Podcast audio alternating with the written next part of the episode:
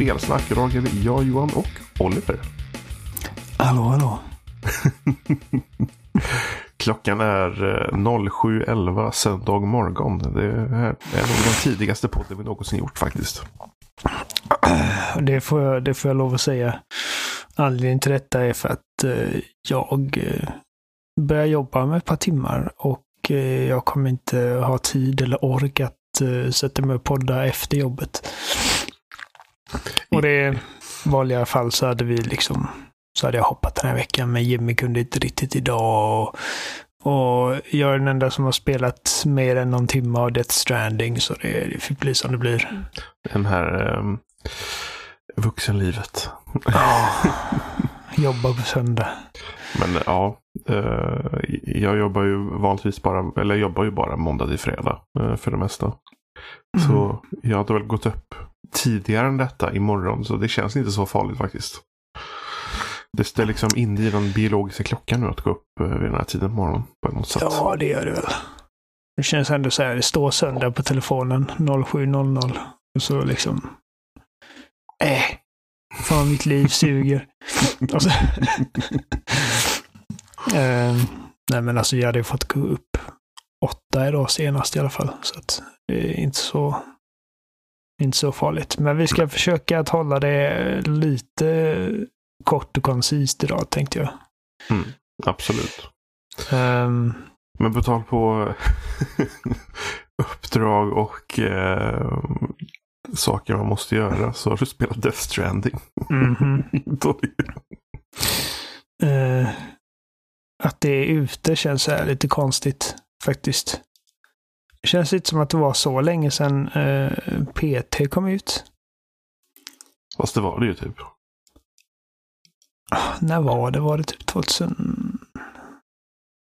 I och för sig. 2015, 2016. Det var en stund sedan i alla fall. Ja, men det känns inte som att det var så länge sedan. Och så, mm. så var ju Norman Reedus skulle spela huvudkaraktären här och sen så lades det åt helvete och så var det ju liksom Metal Gear Solid 5-fiaskot med Konami och deras breakup med Kojima och så liksom hans turné runt världen för att jaga spelmotor. Och idag är vi här liksom. Hans eh, vision är färdig. Du, du gillar väl Metal Gear Solid? Jag har ju spelat i alla fall ettan och trean har jag spelat. Mm. Tvåan har jag aldrig lyckats att köra igenom. Varför? Aldrig fått det gjort bara. Okay, det, det, är inte så att du har försökt och det, du ja, inte alltså gillar jag, det? Eller? Nej, jag har påbörjat flera gånger men det är ingenting som jag liksom inte gillar så sett. Um, för eh, det är ju inte så jätteolikt om man säger liksom ettan och trean så sätt. Det känns som någonting där mittemellan. Um, och fyran har jag aldrig heller lyckats ge mig på. Mm. Jag har inte, alltså jag är inte så här, även fast jag hade PS3 så spelade jag väl inte så jättemycket på den faktiskt. Uh, så det kan också vara en liten orsak. Men uh, femman spelade jag igenom. Ja. Och det, vi, det har vi pratat om uh, fram och tillbaka. Hur, alltså vilken, vilket fantastiskt spel det är på många sätt. Men samtidigt liksom typ den största besvikelsen i mitt liv. Ja, men det, det är liksom bara det är saker som fattas. Mm. Men spelmekaniskt är det liksom perfektion. Ja. Metal Gear Solid är en av mina favoritserier. Och, har varit det liksom sen 2001. Något sånt där. Um, och nu är det och, första, första gången sen vet du, Son of Enders-spelen som han har gjort något annat än Metal Gear Solid. Jag tror det va. Um, jag tror inte han har gjort någonting annat så under Metal Gear-tiden än Zone of Enders. Jag vet att han har gjort uh, Police Knots, men det tror jag att det är lite äldre. Ja. Det finns det säkert någon nörd som lyssnar på detta och bara nej, nej, nej, nej, så här, så här var det. Men det, det är i alla fall så jag uppfattade det. Ja, precis. Och man var givetvis jävligt liksom, nyfiken på Death Stranding, även om de här trailersen inte sa än så mycket. Väldigt konstigt spel. Ja, men då väl de, de, de första trailersen vet jag när man inte liksom, när man verkligen förstod noll. Alltså Mm. verkligen ingenting. En naken Norman Reedus liksom Då, på... då var jag nog mer taggad på det än ju närmre och närmre release det har tagit sig. Mm. Ja, men för att då vet man inte vad fan det är man kollar på. Det kan Nej. vara vad som helst verkligen. Och nu vet man vad man kollar på, så man inte vet vad man kollar på. Det blir bara... Mm. Nej, så, så, så jag kommer nog inte skaffa det här på ett tag. Det är fortfarande mycket liksom confusion kring det här spelet. Liksom vad det handlar om, vad man gör. Eh. Alltså det här spelet. Jag har spelat sex timmar ungefär. Jag fattar fortfarande inte vad, vad det är som händer, vad jag gör. Eh, jag har liksom i runda slängar någon form av hum om liksom vad spelet handlar om, men jag har ingen aning om vad det är som har hänt. Jag har ingen aning om vad, vad någon snackar om för det mesta. Uh, allting är väldigt diffust och bara oinformativt. Liksom att det, spelet gör inte ett bra jobb med att förklara saker och ting. Vad det är som har hänt. Jag tror inte att det försöker heller. Jag tror liksom att det medvetet håller allting väldigt vagt. Uh, för att vara någon sorts... Eller någon sorts... Något, ja, någon form av budskap eller någon form av... uh, ska man säga, liknelse för, eh, jag vet inte, alltså det är bara ett sånt pretentiöst jävla spel. Alltså, Hideo Kojima är verkligen all out här. Detta, här har han liksom inte haft någon som har kunnat säga till honom att nej, nu får du lugna ner dig. Nu vet jag inte hur du såg ut med Metal Gear Solid. Han var ju liksom en legend även på Konami, men det här är typ det mest Hideo Kojima halten man kan säga, eh, som, som du någonsin kommer komma upp i. Jag, vet, när jag, jag har kollat på folk som spelar Metal Gear Solid 2. Och Mm. liksom sett liksom i princip hela spelet. Och efter att ha spelat ettan och trean. Det spelet är ju totalt apeshit crazy. Det är helt galet. Det, är liksom, det, det finns liksom ingen rim och reson på någonting överhuvudtaget. Det är totalt bananas. Det blir ju galet där mot den sista typ timmen eller två. Och så, så där känns det som att ja, men, han hade gjort det första spelet och sen så släppte de tyglarna på honom när han gjorde andra spelet. Och så Ja, det den möjligt. totala galenskapen. Och nu sitter han här på sitt nya produktionsbolag och får göra precis vad han vill och Sony bara pumpar pengar till honom. Mm. Och samtidigt tycker jag det är väldigt beundransvärt av Sony. Och eh, jag älskar att det här spelet existerar. För att det är liksom ett påkostat AAA-spel. Som inte är som någonting annat. Det, det blir ju som att näst, alltså, alltså jag får intrycket av att det nästan blir på något sätt som ett, ett indiespel kunde vara. Fast det var en Ja, megabudget liksom. utdraget liksom på 50 timmar. Och eh, med eh, skyhöga produktionsvärden. Jo, men alltså det, man kan ju tänka sig, föreställa sig liksom ett indiespel. Eh, med så lite gullig grafik där du går runt med paket och levererar grejer och du får liksom betyg baserat på hur snabbt och hur effektivt du levererar de här paketen. Någonting som håller liksom i typ inte, tre timmar. Och är det förmodligen hela spelet? Ja. Du går fram och tillbaka. Och så Med- blir det lite någon form av videosekvenser emellan eller dialoger eller? Ja, alltså så långt som jag har kommit nu så det, det har inte varit några egentliga mellansekvenser. Utan det har bara varit att jag går från en bas, pratar med ett hologram som tackar så mycket för leveransen. Tar nästa, nästa shipment, går till nästa bas, pratar med ett hologram som tackar för leveransen. Tar nästa shipment, går till nästa bas, pratar med ett hologram som tackar för leveransen. Eh, Ja, det, ehm, det låter ju kul. Alltså, om vi kollar på det rent strikt spelmekaniskt. Eh, det, det är mycket inventory management. Och terrängen det är liksom inte bara det att du, måste, att du, att du sätter en waypoint på kartan och sen går du, utan du har grejer du måste tänka på. Um, dels så, alltså, jag tror man kan i början så här max lasta 120 kilo eller någonting på sig. Och varje paket, alltså varenda liten, om det så är att du tar med dig ett extra par skor. För att eh, skorna liksom, de slits eh, när, du, när du går i spelet. Och du behöver ordentliga skor för att klara dig. Så om du tar ett extra par skor så kommer de ta en plats på din kropp eller på din ryggsäck eller whatever. Alla föremål i spelet har en fysisk eh, plats som, eh, som du måste liksom sätta ut på ett sätt som gör att du kan röra dig så effektivt som möjligt. Herrejösses.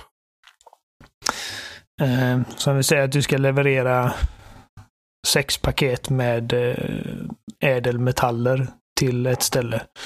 Du tänker okej, okay, det här väger sammanlagt så här, så här många kilo, 70 kanske. Eh, bäst att lägga den vikten på ryggen och sen kan jag lägga liksom stegar och, och grejer. Man kan sätta grejer på båda armar och båda ben också.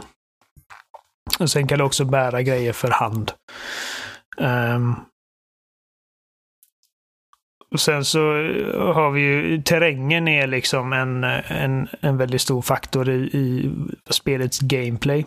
För att ifall du går i lera exempelvis så kan det bli svårare att hålla balansen. Uh, ibland så måste du korsa en, uh, en flod. Och då uh, får du se till att hålla din stamina i check för att det, liksom, det krävs mycket energi att vada genom vatten upp till bröstkorgen. Sen för kanske det finns paket som, som inte får bli blöta. Man måste hitta ett sätt att hålla de paketen utanför eh, vatten. Um, det handlar mycket också om att hålla balansen. Ifall det ramlar så, så kan alla paket bara åka av så kan de skada sig. Och eh, ju mer eh, skadat ett paket blir desto eh, mindre poäng får du för dem. Så nature platforming. mm, ja men precis. Alltså det är liksom, du har typ som en liten skanner eh, som dels pekar ut eh, andra paket, olika material du kan plocka på dig, men också markera ut vilka delar av terrängen som du bör undvika. Så om det finns ehm, eh, ett område där det är väldigt mycket liksom ojämna stenar och grejer så är det markerat i rött där det står liksom att här, här, här kan det vara eh, knöligt att ta sig förbi medans ofarliga passager är liksom blåa. Det är så high-tech QI över hela skärmen på något sätt. Precis. Uh, och eh, uh, du använder uh, avtryckarna på kontrollen väldigt mycket, R2 och L2. För att uh, om du tappar balansen lite och liksom börjar liksom väja, eller ska börja luta mot vänster, då måste du trycka på RT och liksom försöka dra vikten åt höger. Aha, man, man trycker motsatt håll, man ramlar typ för att bara Precis. Uh, för att det du gör är när du, när du håller in RT så, så lägger han handen på liksom en av axelremmarna på, uh, på ryggsäcken. Och för att ha bäst möjlig balans ska man liksom hålla in båda avtryckarna så att han håller liksom i ryggsäcken med båda händer. Och det är ett sätt ifall du är på väg ner för en sluttning exempelvis. Så eh, då får du mycket momentum liksom. Det kan vara svårt att bromsa in och då är det bra ifall man håller inne de här två så att man håller balansen åt sidorna. Jag tycker det är eh. fascinerande att det finns så mycket mekanik i något där man bara vandrar. Precis. och eftersom att spelet handlar om att bara vandra så är det ju här som mekaniken måste ligga. Ja, alltså det, det, det, finns ju ingenting annat i spelet. Uh, alltså. Det är väl lite av en översimplifiering kanske. Alltså det händer ju grejer under spelets gång. Uh, har, har, du sett Mats Mikkelsen? Om man har sett vad? Mats Mikkelsen? Ja. Men inte i hans liksom så här soldatform, utan hur han var innan. Ja. Okay. Genom flashbacks. Spännande. Du får, se vad du får se honom, du får se honom som ett hologram kanske Mm. bara. Ja, men jag har fått se han i första person ur perspektivet av en bebis i en sån här liten eh, plunta typ. Eh, för att när man... har, har du din bebiskompis än? Ja, det har han. Alltså, så, om jag ska försöka förklara hur liksom världen i det här spelet fungerar. Eh, jag kommer inte göra ett bra jobb för att jag har ingen aning om hur den fungerar. Men alltså någon gång så händer det eh, så här kataklysmisk uh, eh, event uh, som de kallade Death Stranding. Vad det innebär är svårt att säga för att jag vet inte om det är för att jag, jag har missat det eller om jag inte har läst rätt, rätt sån här codex eller mail om det. Men när människor dör så typ ifall man inte bränner dem så sprängs de. och lämnar en stor krater och det är liksom flera städer som har förstörts på grund av detta. Åh, gud. Eh, när du dör så separeras din själ från kroppen och blir en så kallad BT. Jag kommer inte ihåg vad BT står för. Det nämndes någonstans i något mail eller något intervjuband som man kan eh, läsa. Eh, men jag kommer inte ihåg. De kallas BTs och de är liksom osynliga spöken. Eh, som man kan dyka upp ibland. Eh, eller- Så, som kan, alltså de kan liksom göra saker med verkligheten. Alltså, De, ja, de, de vill äta upp dig i princip. vad mysigt. Och de, de letar upp dig med, med ljud som jag förstår det. Eh, För att ifall, ifall du kommer i kontakt med de här så eh, måste du försöka smyga dig fram och hålla inne R1 för att hålla andan. För att annars så hittar de dig. Och det är jobbigt när man har liksom typ så här 100-120 kilo lastat på sig och man går jättelångsamt. För du Och- kan stöta på dem där mitt på ett sån här äh, Ja, uppdrag när som helst. Eh, och spännande. dessutom finns det något som heter timefall. Det är regn som gör att tiden går snabbare på alla föremål som regnet träffar.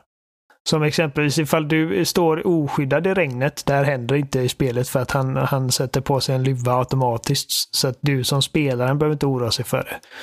Men det var någon mellansekvens där det var en, en snubbe som fick det här regnet på sig och han åldrades liksom 40 år på två sekunder. Uh, och detta har ju även uh, liksom en effekt på, uh, på last som du har som är oskyddat. Så att det liksom blir gammalt i princip och skadas i regnet. Så ifall det börjar regna så är det bara ah, tough shit liksom. Jag har inte kommit på ett sätt att skydda, skydda min eh, cargo från detta. Annat än att bara försöka ta sig ut från området där det regnar. Mm. Eh, Ja, och eh, Norman Reedus, eller den här Sam Porter Bridges som han heter. Jag vet inte vad han heter, Sam Porter Bridges. Eller om han heter Sam Porter. Eh, för att företaget han jobbar för heter Bridges. Och jag vet Mm, inte om kanske- det är så att i den här världen att man liksom får efternamnet baserat på var man jobbar. För att han pratar med eh, sin mamma vid något tillfälle. Hon säger typ du brukade vara Sam Strand. Och han bara nej inte längre nu. Jag är ju Sam Porter. Och ibland så kallar de honom Sam Porter Bridges och ibland kallar de honom Sam Porter. Och de kallar honom bara oh, Porters like you are uh, the people that's going to uh, bla bla reunite us as, as a people bla bla. Så jag undrar, alltså heter han bara Sam? Eller är det Sam Porter eller är det Sam Bridges? Ja, det, alltså, att det ska finnas en förvirring vad karaktären heter är ju lite fascinerande. Bara liksom, ja, jag förstår inte. Men... Alltså jag fattar ingenting. Och han är någonting som kallas Dooms. Eh, vilket betyder att han inte kan dö i princip. Ifall han dör så hamnar han till eh, de kallar det sömmen eller the seam.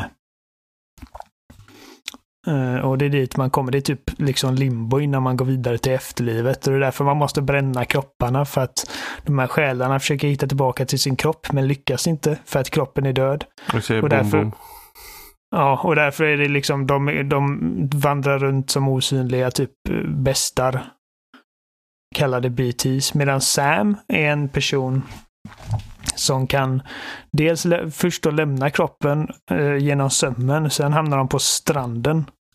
Eh, the beach kallar de det. Och det är det man har sett i trailers. Där ligger massa valar och skit på stranden. Mm. Eh, och sen kan han återvända till sin kropp. Uh, och de vet inte, alltså det är liksom varje gång någon av karaktärerna har en fråga eller om någon av karaktärerna, liksom någon av spelets typ vetenskapsmän försöker förklara någonting för oss så säger de bara ah, sanningen är ju att vi faktiskt inte vet någonting om detta. Jag bara, ja men vad fan, håll käften då. Liksom. Alltså jag fattar eh, Det är så jävla konstigt det här spelet. Och de här bebisarna som man har i så här orangea genomskinliga plastdunkar i princip som man sätter på bröstet och sen kopplar man in sig med dem med en sladd typ. Och då får man liksom se Sam ser liksom minnesbilder från den här, som den här bebisen har då. Och det är där man får se Mads Mikkelsen när han pratar med bebisen och säger att det är min son, vi ska fixa detta, bla bla. Men alla andra säger att de här BBs, de är liksom, de är, som jag förstår det, är de konstgjort framavlade i princip. Eh, och ingen av dem... Meningen med dem är att ifall man kopplar upp sig till en sån BB, alltså en, eh, vad, vad är det kallas? Bridge baby kallar de det. Eh, så kan man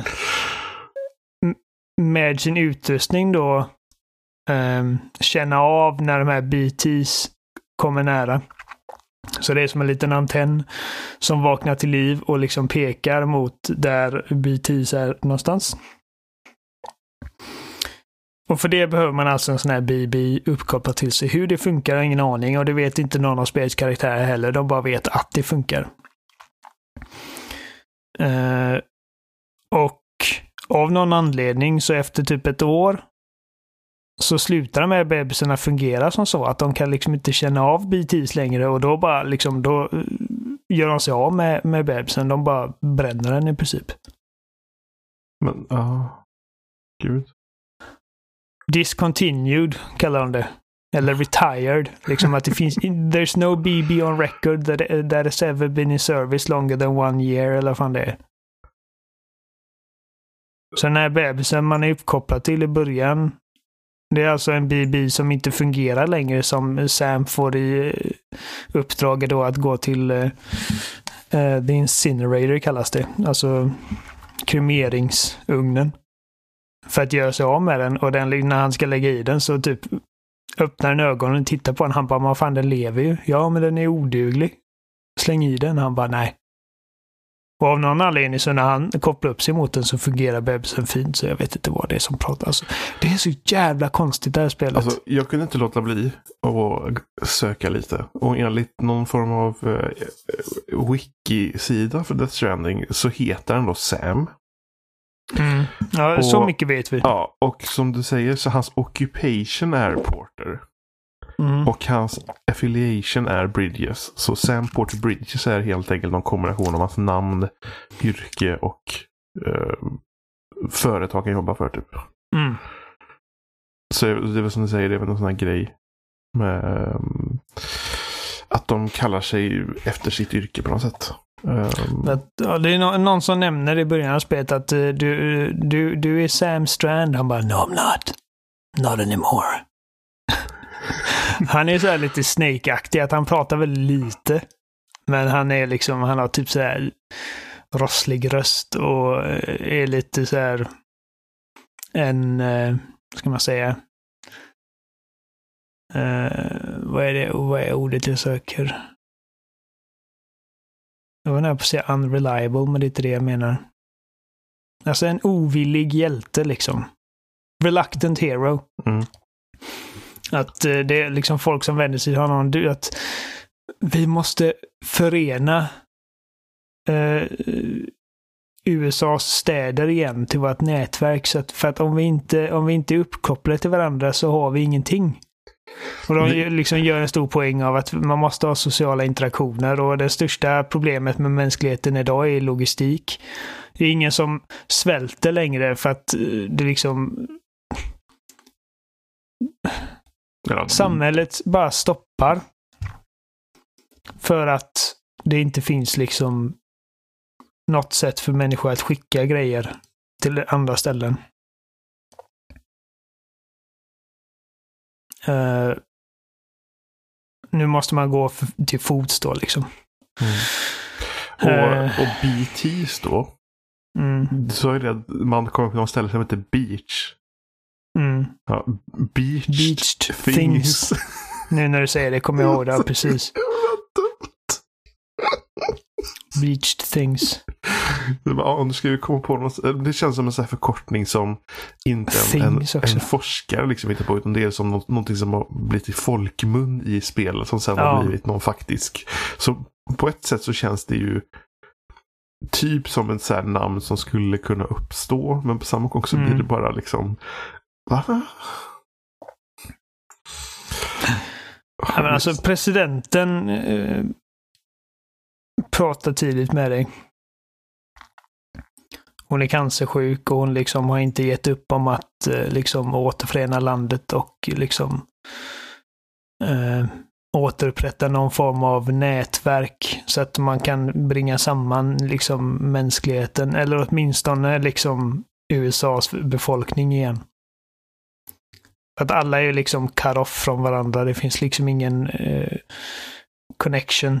Eh, och ingen, eh, liksom, vad ska man säga, linje av eh, kommunikation mellan de här ställena. Ursäkta. Och eh, hon säger liksom att du måste gå iväg och Eh, så man ska gå från eh, östra eh, östkusten till västkusten i princip och liksom koppla upp sig till olika ställen på vägen. Så man skapar någon form av dialog mellan. Um, alltså det finns så många intressanta poänger och många intressanta filosofiska ståndpunkter som tas upp i spelet på olika sätt. Uh, vissa på ett snyggt subtilt sätt, vissa på ett ganska liksom in your face, bara stekpanna i ansiktet sätt. Uh, men det märks liksom att det här, det här är verkligen ett passionsprojekt från en man som, som tycker sig ha mycket att säga. Och känner att han har ett unikt och spännande sätt att förmedla detta på. Och det får vi säga att det har väl lyckats med. Eh, det är bara synd att det inte resulterar i ett roligt spel. Jag förstår inte liksom hur någon kan sitta och spela detta timme efter timme och tycka att det är kul. Jag har inte haft kul en sekund med det. Det har, det har liksom kommit med intressanta eh, moment. Som en sån grej att eh, alltså, i, i, sin liksom renaste form så är det ett spel som handlar om att ta sig över terräng på ett säkert och eh, effektivt sätt. Vilket jag menar, alltså om man lyssnar på det på det sättet så det är ett koncept som kan vara värt att utforska i spelform, absolut. Um, han har liksom gjort det till ett spelmoment, bara att gå över ett fält och liksom ta sig över kullar och eh, nerför branta slätter och sen på något sätt ta sig över en stor flod. Eh, och det snackas mycket om liksom många poänger bottnar i att eh, Alltså han har typ kommentarer om sociala medier för att det finns liksom en like-funktion. Och allting du betalas med i spelet får du i form av likes. ja. eh, och det går liksom eh, även inne i spelets värld men samtidigt liksom mellan spelare också. Uh, för att om du lämnar någonting i världen, säga att du tappar ett paket exempelvis, så kan, kan det paketet dyka upp i en annan spelares värld så står det liksom Lost Cargo. Och så kan du välja då att eh, leverera det för mig. Vilket du får likes för. Du kan också leverera, eh, lämna, att eh, lämna det i en, i en postlåda. Då har det inte kommit till sin destination, men det ligger i säkert förvar. Och det är ju liksom fritt då för en annan spelare att ta över det. Så det kan vara liksom att ett paket byter händer ett dussintal gånger. Men någonstans så kommer det ändå komma fram. Vilket är en ändå kul tanke. Liksom att det började med mig, men slutar någon annanstans. Mm. Uh, och uh, jag lyckades ta mig upp för ett berg. Med eh, liksom nöd och näppe. Det var, det var slitigt som fan. Men till slut, till slut lyckades jag ta mig upp. Och jag tänkte, vad fan. Jag sätter ner ett rep här. Eh, liksom, man sätter repet längst upp och så slänger man ner det för, eh, för berget. Och så lämnar man det där och jag vet att jag har redan tagit mig över här. Jag kommer inte dra nytta av det repet. Men det repet kommer dyka upp i någon annan spelares värld och han kommer se det att oj, här är ett rep. Det är bara för mig att klättra upp. Och så kan han lajka den. Och så får jag likes för det. Så att hela den här grejen liksom att man ständigt hjälper potentiella andra spelare bara genom att lämna spår efter sig. Om jag lämnar en stege över en, över en bäck exempelvis mm. så kan den dyka upp i en annan spel. Och så ser de mitt namn på den. Och så kan man lajka den. Och eh, det handlar inte bara om att man går upp och så trycker man på like utan man kan ge många likes under viss liksom eh, under några sekunder som man hamrar på touchpaden. Så kan man liksom komma upp i kanske 120 likes. Så att de, de gör det till liksom ett spelmässigt moment att liksom man anstränger sig för att visa uppskattning för andra spelare. Och vad de har gjort. Vilket är en kul idé. Ja, det är ju lite spännande på något sätt. Det finns inget sätt att uttrycka sig negativt om någon. Det finns ingen dislike-knapp. Det finns ingen liksom... All kommunikation mellan spelare är bara positiv. Uh, och jag vet, alltså det finns liksom mail och eh, uh, sådana här... För att all bakgrundsinformation du kan få i spel kommer i textform när du kollar på din mail eller typ när du låser upp så här intervjuer. Och så uh, var det någon lång så här något utdrag från någon eh, uppsats eller någonting. De snackade om liksom hur likes i sociala medier uh, förr i tiden innan Death Stranding hände så fanns det sociala medier där folk bara liksom pratade med varandra, la upp bilder på sina husdjur, bla bla bla. Ja, det låter helt sinnessjukt, men det är sant. De gjorde det förut liksom.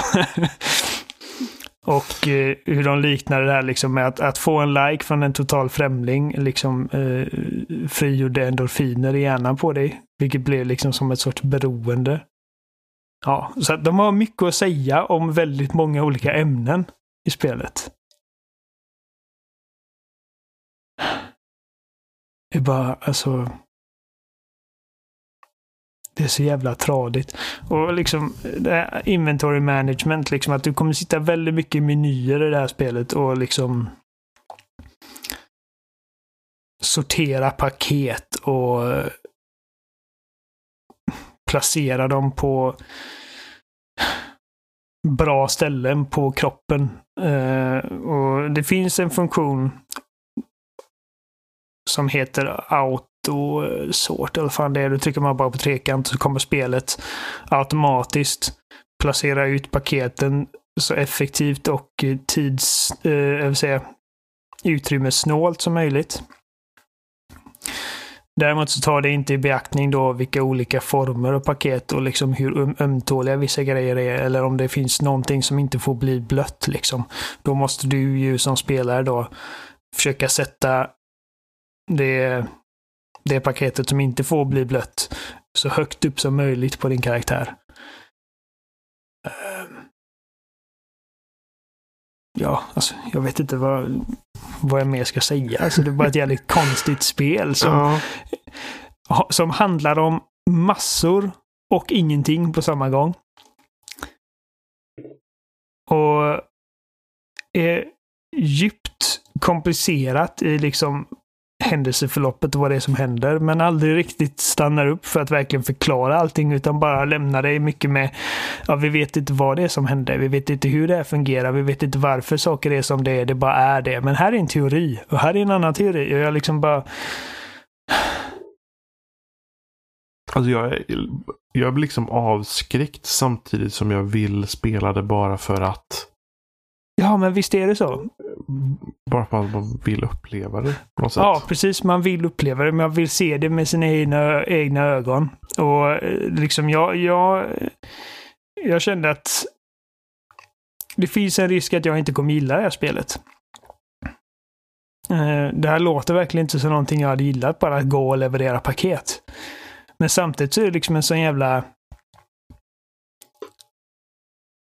excentrisk och ballsy idé att jag var bara tvungen att ge det en chans. Liksom. Mm. Och jag kommer fortsätta spela det. Jag vet inte liksom ifall jag kommer komma till en punkt där jag bara känner att alltså, jag orkar fan inte mer. Men alltså, jag kommer fortsätta och liksom ge mig fan på att försöka ta, ta mig igenom det. Nu har jag i alla fall lyckats få så jag har en motorcykel. Så jag slipper gå lika mycket. Problemet med motorcykeln är att eh, den här terrängen inte är anpassad för eh, fordon. Eh, det är liksom mycket stenigt och mycket berg och skit. Och det, Får man det, se det är inte hur mycket alls... hjälp den är då. Ja, och ifall man behöver ta sig igenom en flod så går batteriet mycket snabbare på den och den skadas ifall man inte kör på slät terräng. Den är jävligt kul att köra när man har liksom bara rakt fram. Du har inga stenar eller någonting i vägen. Det är bara att köra. Så då går det snabbt och det är skönt som fan och man kan liksom lasta grejer på den också. Så att den, den gör ditt liv mycket enklare. Men just nu är jag på ett ställe att jag måste liksom över ett berg. Eller åtminstone runt hela hela vägen. Och eh, jag blir attackerad av BTs och då kommer liksom marken, när du blir upptäckt av- BTs så blir marken under dig typ som gyttja och det är liksom massa händer som försöker grabba dig och dra ner dig i den här gyttjan underifrån. Och de lyckades få tag i mig. All min last bara droppade. Fan. Och de slet ner mig och jag fick möta någon typ så här valboss eller någonting. Jag bara, fuck this, jag stängde av. Val? Ja, jag kommer inte, alltså det var något jävla, något jävla japanskt monster. Gud. Och eh, det enda man har att försvara sig är typ granater gjort på... Alltså jag skojar inte ens. Det är gjort på Sams badvatten. Um, Okej. För att de har gjort tester och Sam är ju speciell. Han har ju liksom Dooms. Som jag, jag vet inte heller vad Doom står för. Det är liksom stora bokstäver Doom och sen S. Så liksom, han är en av de få människor som är Dooms. Och jag antar att det är, att det här är de människorna som kan liksom komma tillbaka från de döda. Och han, hans blod har en eh, offensiv effekt på BTs när man lyckas slänga en sån för det första man fick testa var liksom att ta ett provrör med ditt duschvatten och slänga rätt i ansiktet på en BT. Uh, ehm, för om man står helt still och BTs inte har sett dig och du använder skannen så kan du få se outlinen av dem så att du ser dem något sånär. Och så slängde jag det här provröret med mitt duschvatten på och den liksom åkte iväg. Så att det är det enda du har, eller i alla fall det enda jag har än så länge att försvara mig är granater som är gjorda på mitt blod liksom. Det började med duschvattnet. Duschvattnet var liksom prototypen och just nu har vi granater med mitt blod i. Och eh, eh, när man... Du har ingen livmätare utan du har en blodmätare. Förlorar du blod så liksom... Det är illa för dig. Så då måste du typ äta insekter eller larver som återställer dina blodvärden. Och de här granaterna går ju på ditt blod så du behöver blodpåsar. Eh, som ammunition för de här granaterna. Alltså det... Och jag märkte att jag hade ju liksom, när jag kom till den här bossen så hade jag inte packat med mig granaterna. Jag trodde jag hade fått dem, men jag var tvungen liksom att faktiskt packa med mig dem. För jag kom på att alla fysiska föremål i spelet har en fysisk plats. Och det är liksom... Jag bara stängde av. Åh oh, herre Jesus. Men visst låter det intressant och värdelöst på samma gång? Ja. Det är liksom, nu, nu är det så för att jag berättar, det här är mitt perspektiv. Jag har inte särskilt kul med det här spelet. Sen vet jag att det finns folk som tycker det är helt fantastiskt och liksom typ ett av generationens bästa spel.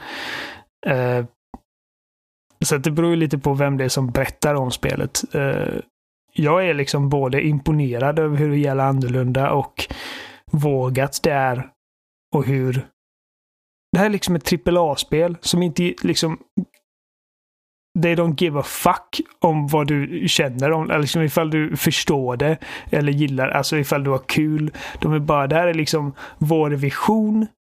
Inga som helst liksom typ outsider-intryck. Liksom att det, det här är helt och hållet Hideo Kojimas bara liksom hjärtebarn. Men det är, väl det, det är väl det mest imponerande på ett sätt. Att det är ett AAA-spel med massvis med pengar inpumpade ifrån liksom Sony. Och det följer inte någon, någon traditionell mall. Nej, precis. Jag har inga konventioner. Sen om det är världens bästa eller världens sämsta spel, det är ju en annan fråga. Men, men det är ju rätt imponerande om något i alla fall. Världens sämsta är det inte. Jag har spelat färre. Men alltså det är liksom, jag förstår vad du menar.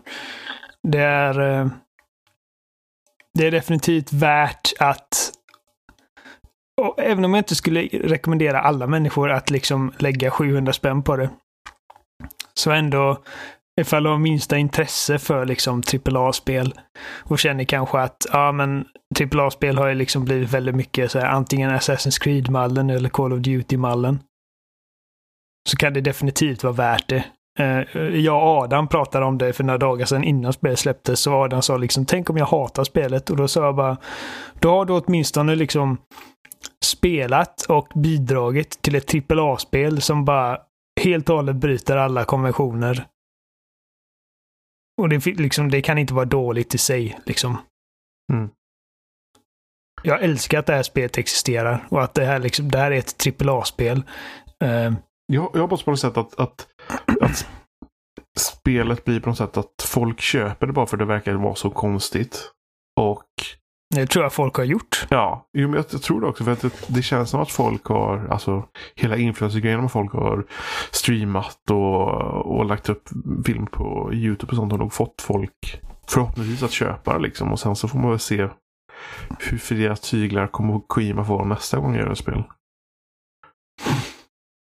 För det skulle lika gärna kunna vara att det här spelet säljer så dåligt så att Sony säger nej, du får nog inte lika fria tyglar nästa gång du vill göra ett spel.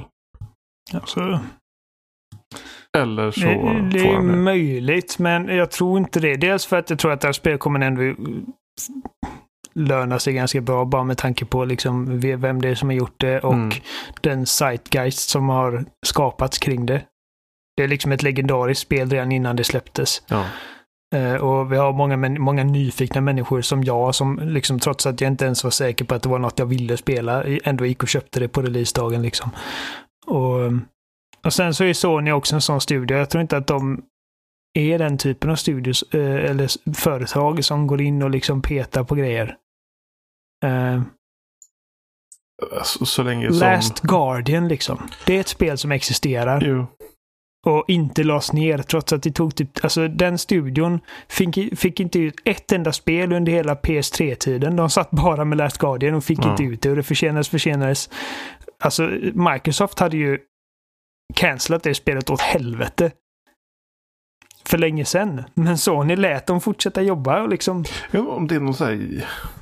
För det, det, känns ju, det känns ju som det är kanske någon japansk grej på något sätt. Att det blir någon sorts ära för att man måste få ut spelet. Och inte liksom lägga ner det för då blir det pinsamt. Ja, jag vet inte. För det är som, jag, som du säger, liksom, i, i USA och med Microsoft så hade man ju bara liksom, nej nu kastar vi det här åt helvete och så låter vi det dö i tysthet. Mm. Nej, men det liksom, de lät ta den tid som det tog. Det här spelet kan man inte anklaga för att det har tagit för lång tid att göra. Alltså jag är fortfarande förvånad över att de fick ut det i år. Jag trodde liksom att det är så 2020-spel, eller 2022-spel. Uh, eh, tänk, att, tänk att vi fick spela Death Stranding och Last of Us Part 2 innan Doom Eternal kom. Det trodde jag inte. Nej. Det...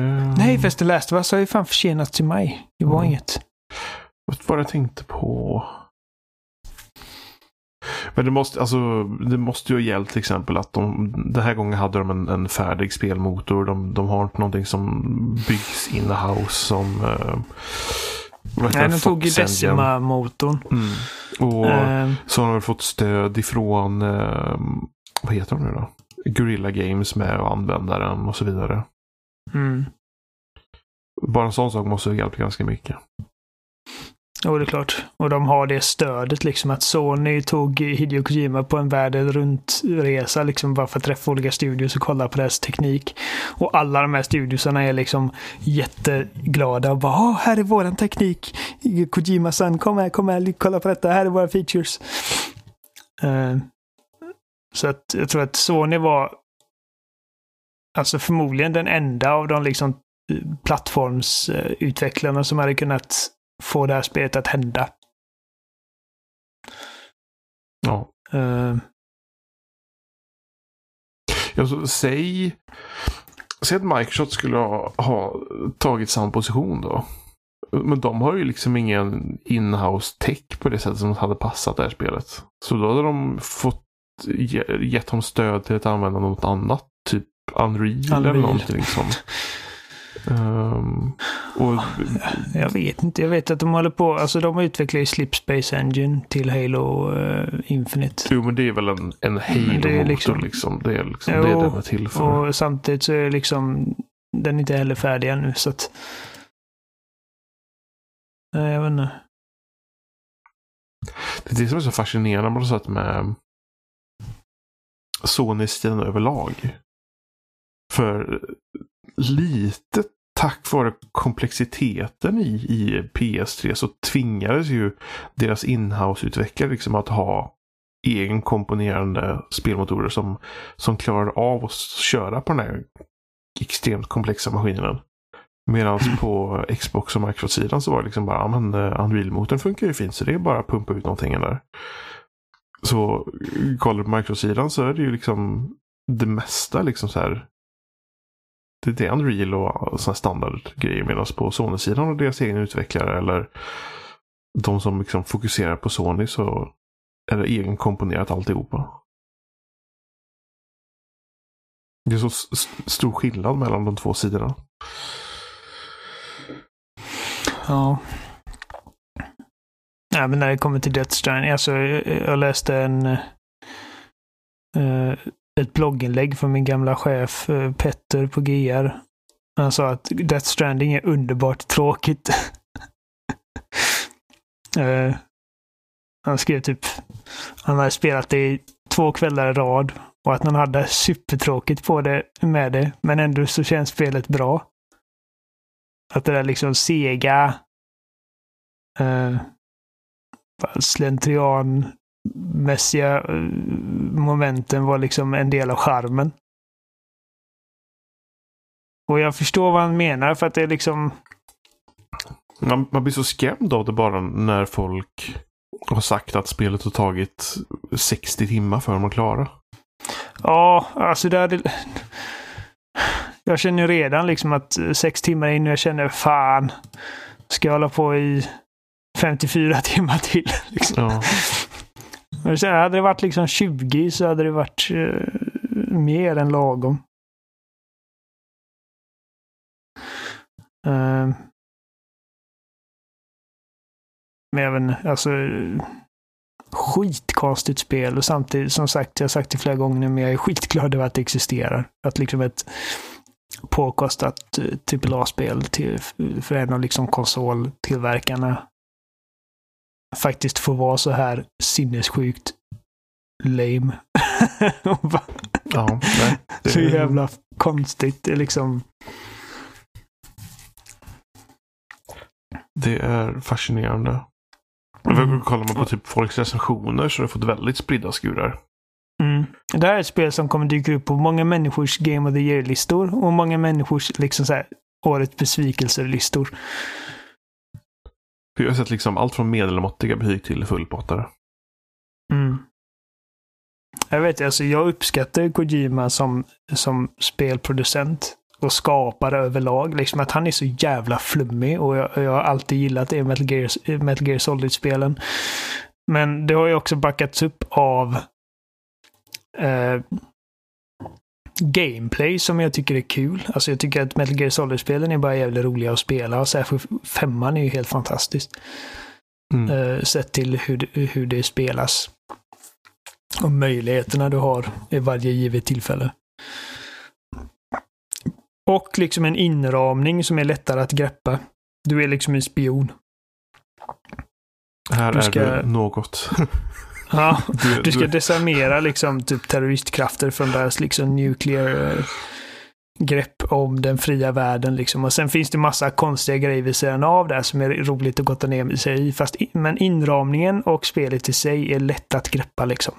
då Här, är- här är ingenting som är lätt att greppa. du, du, är Det är en, bara det konstiga. du är en porter som jobbar för Bridges. Ja, precis. Nej, alltså in, in, finns ingen form av grepppunkt som är liksom här. Håll fast här så kommer du känna dig trygg. Och sen kan du bara liksom häng med i svängarna och eh, liksom njut av the ridiculousness. Utan det är bara alla konstiga delar för Metal Gear Solid och sen ännu konstigare. Så här bebisar i liksom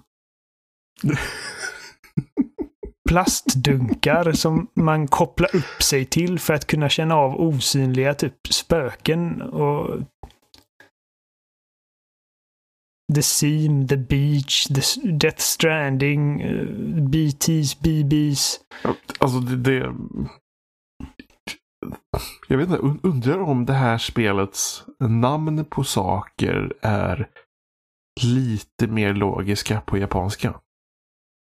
För det känns Möjligt. att många, många saker som Kojima namnger i liksom, även tidigare spel är liksom på engelska eller så här, man bara liksom, va? vad vadå? Undrar om det liksom är en så språklig orsak liksom från när det liksom översatt från japanska. För han skriver ju förmodligen allting på japanska först. Mm. Jag är inte liksom, säker på att han gör det dock. han kanske inte gör. Nej, jag vet inte. Ja, men då kan man ju s- dra till med att, att engelska inte är hans första språk. Liksom också, Ja. möjligtvis. Jag vet inte. Alltså det... För liksom, här, namnet Beach Things. Ja. Och sen alla karaktärerna har konstiga namn också. Alltså Sam Porter Bridges, det är ju liksom ett ganska normalt namn, men det betyder något konstigt inom spelets ramar. Han heter egentligen bara Sam. Ja. Sen finns det en karaktär som heter Amali. Och det är den enda karaktären i spelet som har ett straight forward namn. Hon har, hon har inte massa titlar och grejer, utan hon, hon heter bara Amali. Sen har vi liksom eh, Lea Sidos eh, karaktär som heter Fragile. Vi har Guillermo del Toros karaktär som heter Deadman. Eh, för att han är en forskare som, som liksom specialiserar sig på vad som händer efter döden och bla bla. Och sen har vi presidentens... Eh, Eh, nu kom- kommer jag inte ihåg vad han, Jag tror presidenten heter Bridget Strand. Jag vet inte om Strand är hennes riktiga efternamn eller om det är liksom något jävla bullshit. Ja. Hennes eh, högra hand är en kostymnisse med en dödskallemask som heter Die Hard Man. Eh, sen är det någon läkare som heter Hartman. Jag vet inte om det är hans efternamn eller om det är liksom för att han är en hjärtdoktor eller whatever. Eh, och sen en annan karaktär som heter Mama. Liksom, alltså det är bara ja. så mycket bullshit. Ja, Jesus. Nu har ändå lyckats att dra ut på Death Stranding i nästan en timme. Ja, men vi hade kunnat prata en timme till. Alltså, särskilt om, vi, om det inte bara var jag som spelade. Ja, jag För att jag hade varit nyfiken. Alltså jag hade varit så jävla... Skitsynd att det är bara jag som spelat det. För jag, hade, jag vill så gärna prata med er om det och liksom... Mm. Och särskilt då Jimmy, för jag vet att han kommer i alla fall spela det. Jag vet att du är lite on the fence fortfarande. Ja, jag, jag kan tänka mig när nästa Playstation släpps och det kommer på någon rea skulle jag kunna tänka mig att köpa det typ. mm. Precis, uh, för det är värt att ge en chans i alla fall.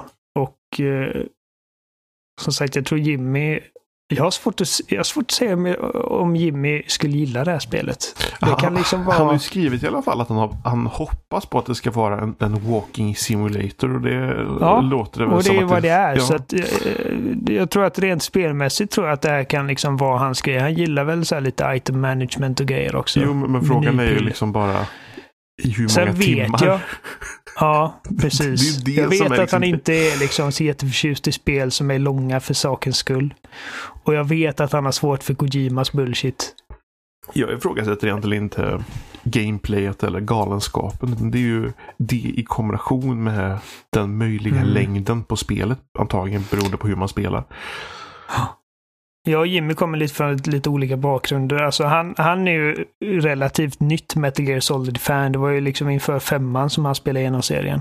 Mm. Um, och uh, han gillade väl, nu vet jag lägga ord i munnen på honom, men om jag, om jag minns rätt när jag pratat med honom om det så han gillar väl storyn så sett, men han har väldigt svårt för Kojimas liksom särskilda humor och uh, egenheter. Um, Medan jag, jag älskar den skiten och eh, jag gillar ju liksom gameplayt. Alltså det, är, det är ju liksom action stealth-spel. Action stealth-spel är en av mina favoritgenrer. Um, medans så jag, jag har ju gått in i det här spelet bara liksom som ett Hideo Kojima-fan medan Jimmy är mer liksom uh, jag bara hoppas att det är liksom någonting annorlunda ja. och uh, här, världens första AAA Walking Simulator. Så jag kan tänka mig att Jimmy kommer ha väldigt intressanta observationer att dela med sig av eh, om det här spelet. Men jag förväntar mig inte att han kommer uppskatta liksom alla de här konstiga Kojima-grejerna. Ja. ja. Det var väl det vi hade för den här veckan gissar jag på. Ja, jag ska ge mig ordning för att gå till jobbet. Vi finns som vanligt på spelsnack.com och där hittar ni länkar till de flesta ställen där vi finns och går att lyssna på och så vidare. Um, ni får gärna skriva till oss. Uh, kontakta spelsnack.com om ni vill skicka e-post eller förnamn spelsnack.com. Och vi finns uh, ja, på loading varje vecka som uh, en tråd för avsnitt där på loading.se då alltså. Finns även på Twitter, vi personligen. Jag finns på Oliver Thulin, Johan Folsson, eh, Seppala13 och eh, Kapten Sten ja. med två E.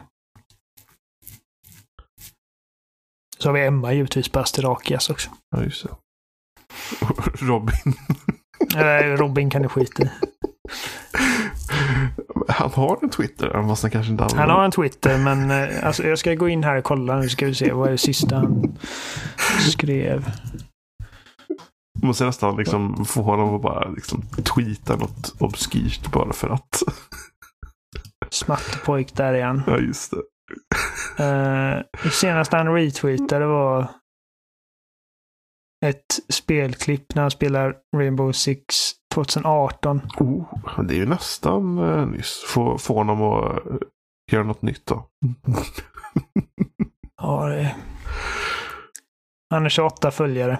Det är imponerande när man inte har gjort så mycket. Det är bara hans kompisar och familjemedlemmar Ja. Vi hörs om en vecka igen. Gör vi. Hej.